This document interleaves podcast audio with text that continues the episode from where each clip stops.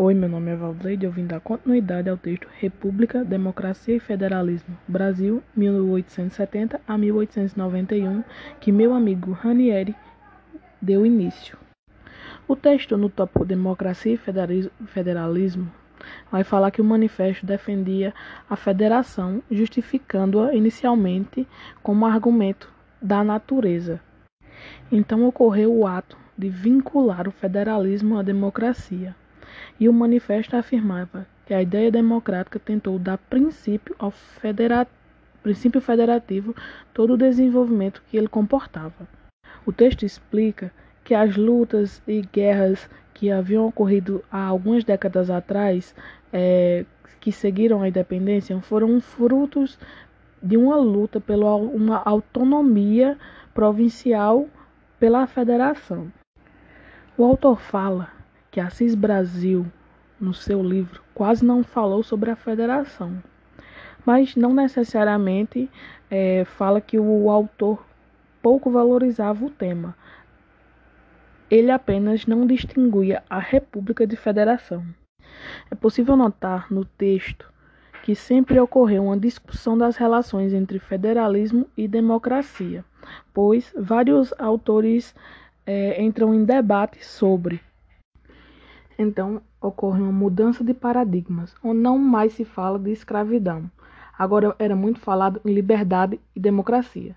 Não existia em si mais um líder supremo como o imperador que dispunha do poder moderador.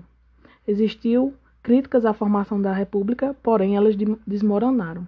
Existiam também um apoio dos positivistas, é, teólogos ligados ao evolucionismo, que tendiam é, que a república fosse superior ao império, que era mais teológico. E a república é, existiria um período mais racional, com ideias de civilização e com um grande desenvolvimento. O texto deixa bem claro que houve uma redução do leque de temas dentro do campo republicano. Agora, os textos mais importantes concentraram-se em discutir o regime e uma forma de organização do Estado e da composição do campo político.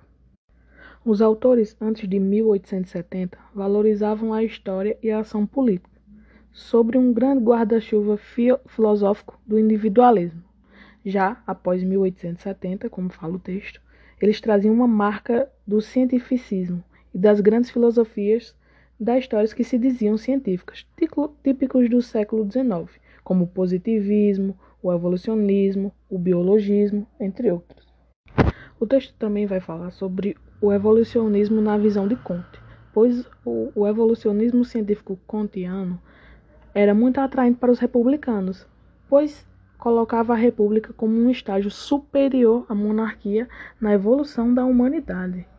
Depois de ocorrer uma grande idealização do que ocorreria após a proclamação da República feita por militares, os propagandistas perceberam que nada condizia com a realidade. É, Percebeu-se isso nos dez primeiros anos, pois existiram guerras, crises e uma, falta de, e uma falta de organização para chegar ao tão sonhado progresso que era previsto antes. Então se iniciou uma troca de militares no poder. O primeiro foi forçado a renunciar, o segundo enfrentou guerras civis e o terceiro foi um civil que teve que aguentar uma tentativa de assassinato, conflitos dentro do seu partido por revolta de militares e também de populares que não apanhavam seu mandato, e com uma certa razão, pois ele saiu e deixou o Brasil à beira de uma falência financeira. Existe então uma ameaça ao regime, pois, é, como já havia falado, o Brasil estava à beira de uma falência, até que um republicano resolveu mudar a política, governando o mesmo nas bases teóricas burkeanas assim trazendo a política do Brasil para um modelo mais realista. Esse foi Campos Salles, que foi eleito presidente em 1898. Teve um governo impopular, pelo menos consertou as finanças e montou um sistema político que não tinha nada a ver com as propagandas anteriores, mas estabilizou o regime e lhe deu mais tempo de vida.